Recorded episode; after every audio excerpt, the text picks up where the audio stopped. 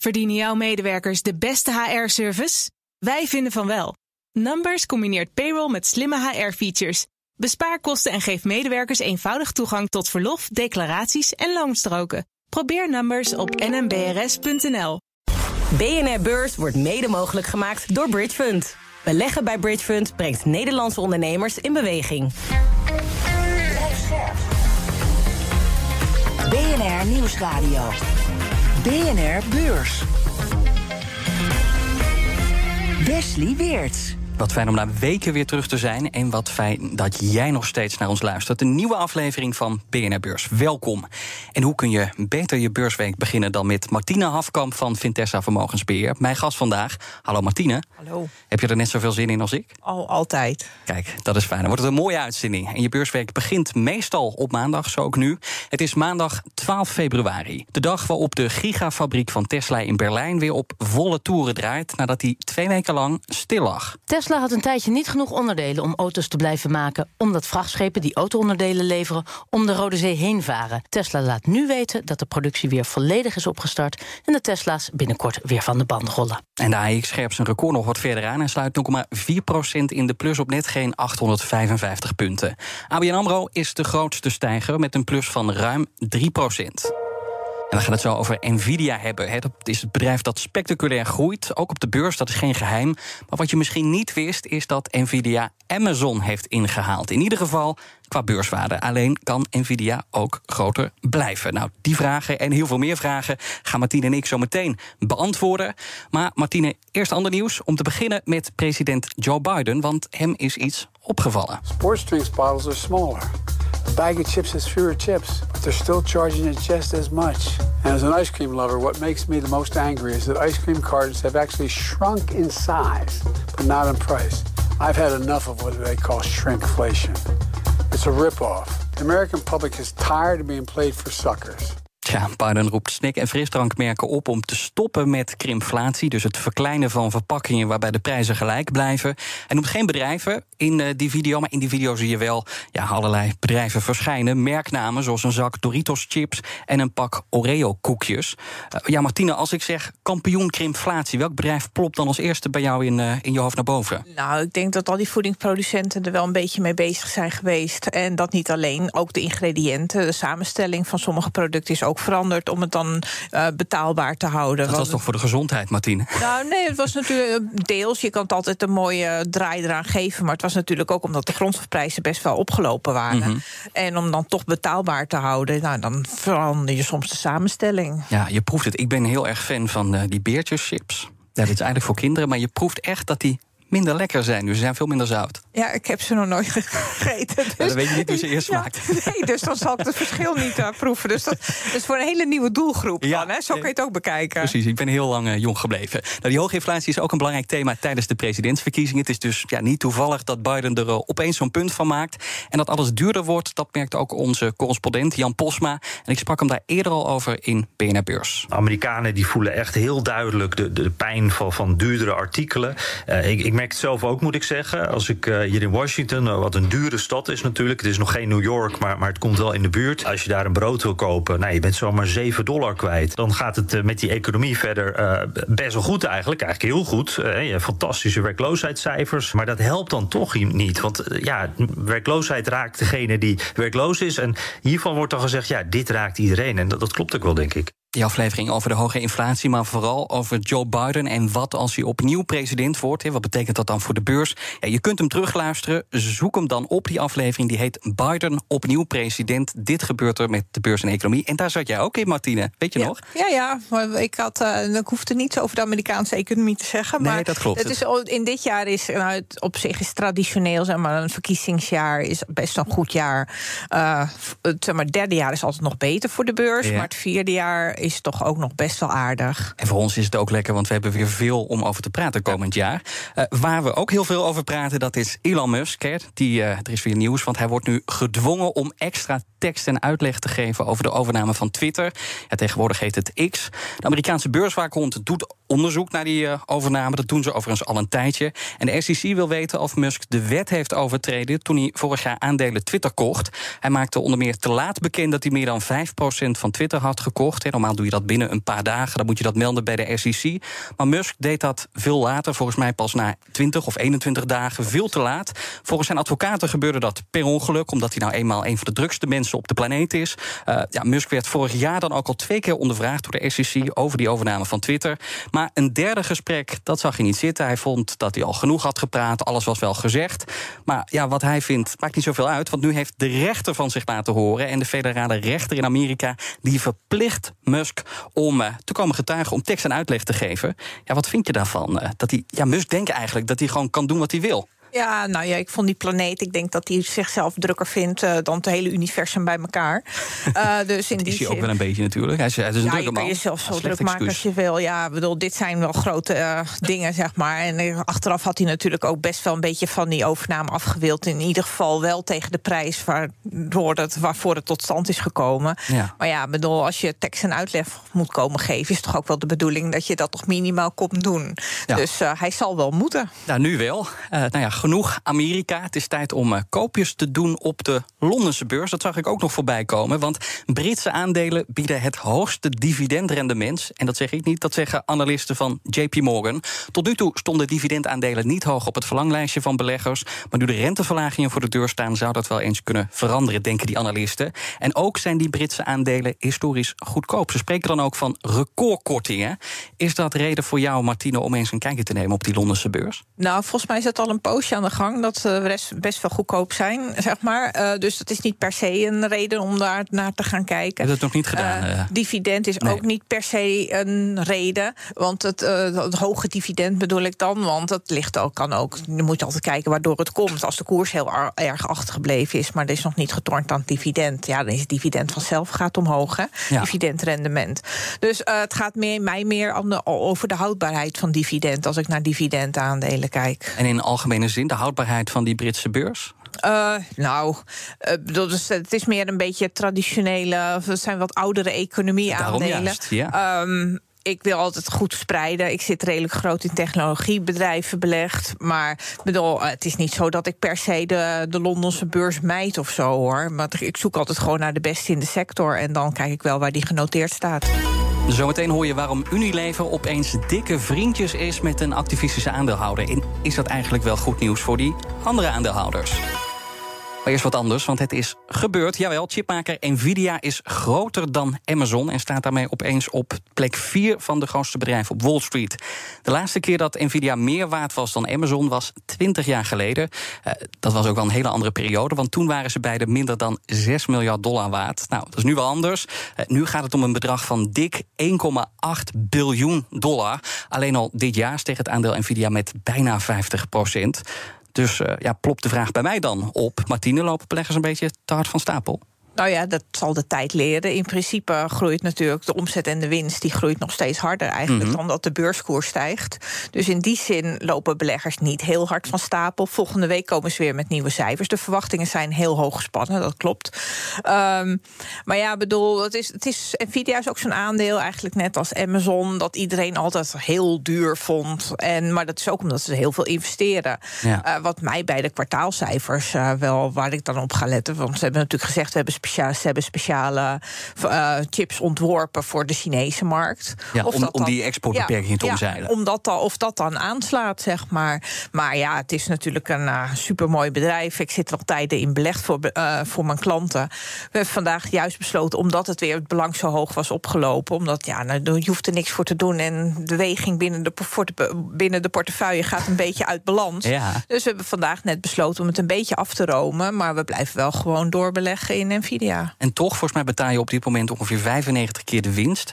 Hoe ja, plaatst die waardering is in, in perspectief, ook ten opzichte van andere techbedrijven? Nou, kijk, die 5 keer, 95 keer de winst, dat is als je geen rekening dan houdt met de winstgroei van Nvidia. Mm -hmm. Als je naar Bloomberg kijkt, dan is voor, dit, voor 2024 staat hij op 58,5. Wordt het niet heel veel goedkoper van, maar.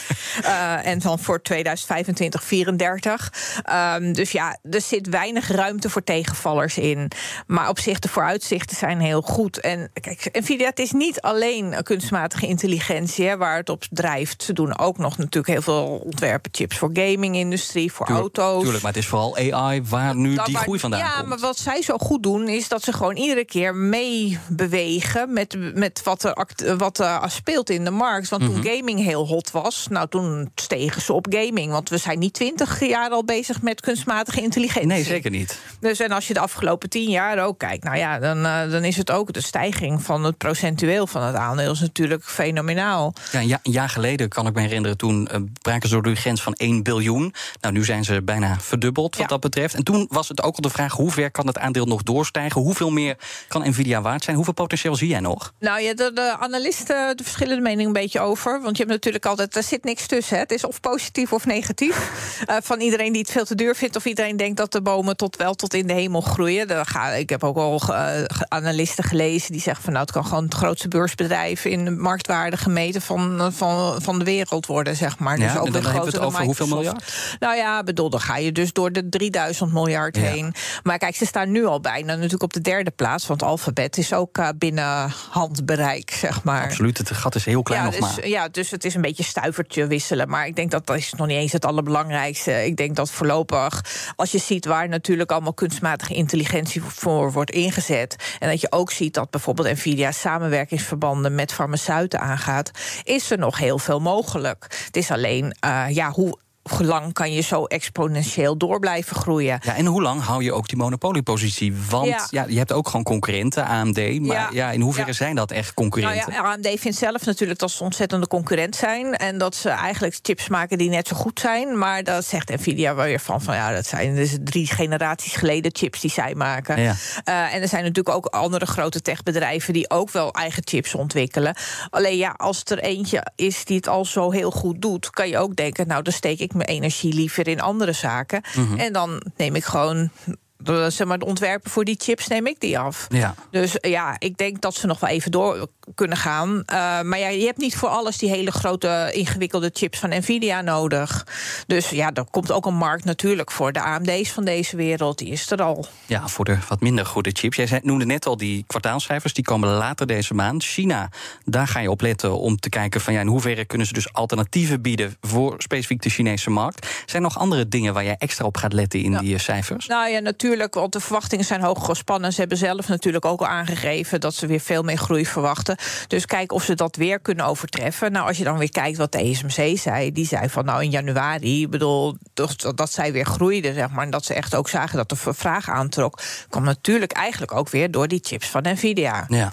Uh, dus in die zin zijn, denk ik, die hoog verwachte of hooggespannen verwachtingen zijn best wel gerechtvaardigd. Ze hebben ze ook elke keer overtroffen. Ja, en ze, maar het is dan ook weer natuurlijk wat zij, maar dat is eigenlijk bij ieder bedrijf, wat ze dan weer verwachten voor de komende tijd. Want ze, ze zijn zelf eigenlijk de hele al kwartalen achter elkaar bezig met positieve winst- en omzetverwachtingen. Ja, en dan is het vooral dit jaar is een beetje de verwachting, als ik het eh, als ik analisten mag geloven, dat er nog wel groei zit bij Nvidia. Maar het wordt vooral 2025 volgend jaar, Ja. waar toch nog wel wat twijfels over zijn. Hoe erg twijfelend ben jij over die groei dan? Nou ja, ik ben nog niet zo heel twijfelend. Alleen ik zeg al, exponentiële groei kan je nooit altijd volhouden. Nee, want op een gegeven maar. moment ben je ook uitgeïnvesteerd. Heb je genoeg van die AI-chips? Vo- voorlopig. Nou ja, dat ligt eraan natuurlijk hoe groot het wordt uitgerold. En dat voorlopig zegt iedereen ook, we staan eigenlijk een beetje in de kinderschoenen. Dat zegt ook ieder groot technologiebedrijf wat met cijfers is gekomen. Mhm. Dit zijn allemaal nog beperkte delen van de omzet. Maar dus kunnen er ook nog heel veel tegenvallers volgen. Aan als de ene nog in kant de wel, en aan de andere kant kan er natuurlijk ook nog heel veel meevallen. Maar ik denk ook, je moet nooit al je eieren alleen maar in Nvidia. Nee. eh, een soort kop of uh, zeg maar kiet of dubbel. eh, dat, moet, dat moet je nooit doen.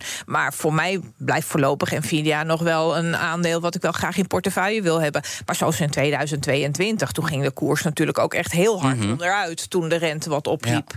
Eh, nu je het toch over alternatieven tot slot hebt. Hè, we hebben gezien dat Nvidia in korte tijd heel hard eh, gegroeid is. En nu ja, bij het selecte elitegroepje hoort van meest waardevolle bedrijven. Welke andere techbedrijven hou jij extra in de gaten? Die nu dus nog niet zo groot zijn, maar dat ja, wel kunnen worden? Nou, of, het, of die helemaal zo groot. Ik beleg sowieso nooit in kleine bedrijven. Dat klinkt dan zo. Ik bedoel, als je het vergelijkt met de Amerikaanse markt, is natuurlijk al heel veel, heel, niet zo heel snel heel klein. Uh, maar kijk, waar ik ook wel op let, en daar zit ik zelf ook in belegd, is Adobe. Want die doet eigenlijk ook wel weer mee met de AI-hype. Aan de ene kant een beetje wel, aan de andere kant niet helemaal. En, uh, maar ze zijn dat ook wel helemaal. Uh, ze worden door Nvidia ge, eigenlijk getipt als mm -hmm. bedrijf wat helemaal dus kunstmatige intelligentie kan integreren in al alle producten die ze leveren. Dus dan vind ik dat wel een heel leuk bedrijf om daar, behalve dan dat ik er niet voor niks in belegd zit, maar dat je denkt van nou, daar kan nog veel meer uitkomen. BNR Beurs. Gaan even op Wall Street kijken. Daar zie ik, uh, ja, niet verrassend, groene borden. De Dow Jones staat 0,4% in de plus. De S&P 500 wint 0,3% En ook de Nasdaq staat 0,3% hoger. Ja, wat wel opvallend is, uh, weer een megadeal in de Amerikaanse oliesector. De zoveelste in korte tijd. Deze keer neemt Diamondback-concurrent Endeavour Energy over... voor 26 miljard dollar. De twee bedrijven zijn samen goed voor een waarde van meer dan 50 miljard dollar. Het is de vierde deal in vier maanden tijd. En deze Bloomberg-journalist somt even alle deals voor ons op. Exxon acquiring Pioneer, 60 billion dollar deal. Chevron Hess, 53 billion. Oxy, Crown Rock, close to 11 billion. Ja, en ook deze overname van Endeavour door Diamondback speelt zich af in dat grote, het grootste olie- en gasveld in de VS. Een belangrijk veld ook voor de schalieolie en voor schaliegas. Ja, wat wel opvallend is, we hebben het hier de hele tijd over duurzaamheid, het einde van fossiel. En ondertussen zie je dat al die bedrijven prima en mooi blijven doorinvesteren in fossiel. Verbaast dat jou, Martine? Nee, in Amerika zitten ze er toch iets anders in de wedstrijd dan hier in Europa. Dat groene energie is toch wel echt een beetje een Europa-ding. Ja, daar hebben ze nog nooit van gehoord, van groene energie daar. Nou, ze zijn er wel mee bezig. Nou, overdrijf je een beetje. Nee, want ze hebben ook veel zonnepanelenfabrikanten. En zonne, allemaal zonnevelden en weet ik veel wat. Maar als je gewoon ziet, kijk, wat ze doen, is natuurlijk. Uh, iedereen begrijpt wel dat je nog fossiel heel lang nodig hebt. En uh, dus nou, als je dan samen ben je groter dan in je eentje.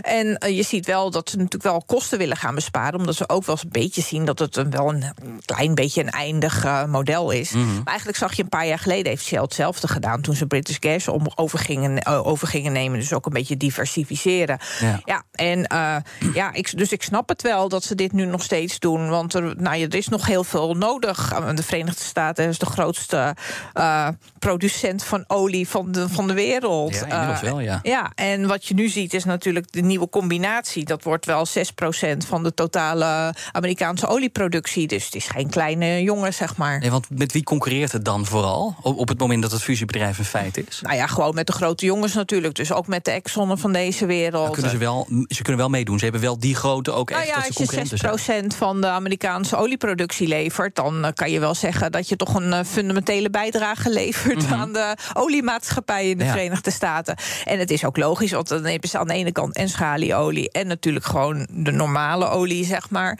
Dus het past, ja, dus een mooie, een mooie combinatie. Hoeveel valt er na deze overname nog te consolideren? Want we zijn zo'n beetje wel klaar, toch, na al die overnames? Dat zou je denken, want dan is dit er op zich een kleintje. Hè, als je het vergelijkt bij de eerste die genoemd werden. ja. Als je van 60 en 53, nou, dan is eigenlijk dit in, met een beetje in de 20. Nou, dan ben je, hoor je er net een beetje bij. En het is ook een beetje meneer, dus zeg maar de topman van Endeavor, die was, of de eigenaar van Endeavor was 85. Dus het paste ook mooi. Hè. Hij wilde er ook wel eens vanaf. BNR Beurs. Unilever dan, want dat krijgt steun uit onverwachte hoek. Het aandeel is al jaren aan het kwakkelen. Het blijft ook achter bij concurrenten als Nestlé en Procter Gamble. En daarom kwam de nieuwe CEO eind vorig jaar met plannen om de beurskoers van Unilever er bovenop te helpen. Kort gezegd gaat het bedrijf minder doen, maar wel beter. En dus focust het voortaan op de 30 grootste merken. En dan moet je denken aan merken als Dolf en Magnum. Nou, daar gaat Unilever de komende tijd meer in investeren. En ondertussen moeten de kosten omlaag en de marges omhoog. En ik zei het al, Unilever Unilever krijgt steun uit onverwachte hoek. Want wat denk je? De activistische aandeelhouder Nelson Pels staat volledig achter de nieuwe plannen. Ja, hoe dan, Martine? Want die pels was toch gekomen om flink de bezem te halen door Unilever. En nu zijn de CEO en deze activist opeens dikke vriendjes? Nou, of ze dikke vrienden zijn, dat waag ik ook weer te betwijfelen. Maar hij krijgt in ieder geval uh, nou ja, het voordeel van de twijfel. Zo kan je het ook zeggen, natuurlijk. Mm -hmm.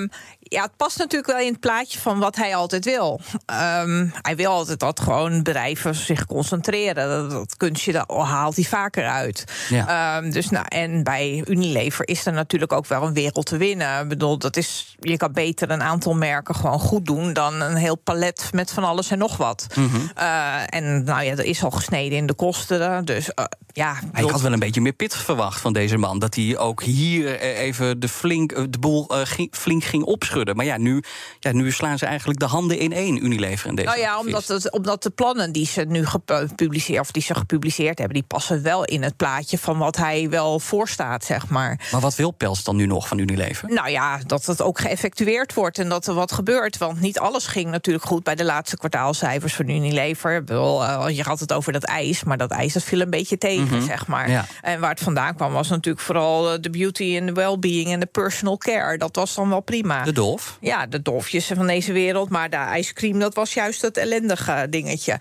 Dus ja, en wat nog verder zou kunnen... en wat natuurlijk ook al jaren speelt... wat iedere keer wel weer ook opspeelt... nou ja, de margarine, de boter, die is er al uit, zeg maar. Maar dat ook de voeding misschien wel of afgesplit zou worden... of misschien wel verkocht gaat worden. Ja, want dat is een punt waar die nieuwe topman, Hans Schumacher... die, die wilde daar nog niks van weten. Van Nee. het uh, opsplitsen, het afsplitsen van onderdelen. Wat zou jij daarvan vinden als Unilever dat wel zou doen? Nou ja, het zou op zich wel passen. Het zou natuurlijk voor zeg maar heel vroeger terug in de tijd. Uh, dan heeft de hele fusie, als je het zo bekijkt, eigenlijk geen zin meer gehad. Want er zijn alle Nederlandse activiteiten die zijn weer weg. En dan gaan we lekker door met wat natuurlijk oorspronkelijk uh, voor de, heel lang geleden bij de fusie, wat, wat uh, maar ingebracht werd. Mhm. Mm -hmm.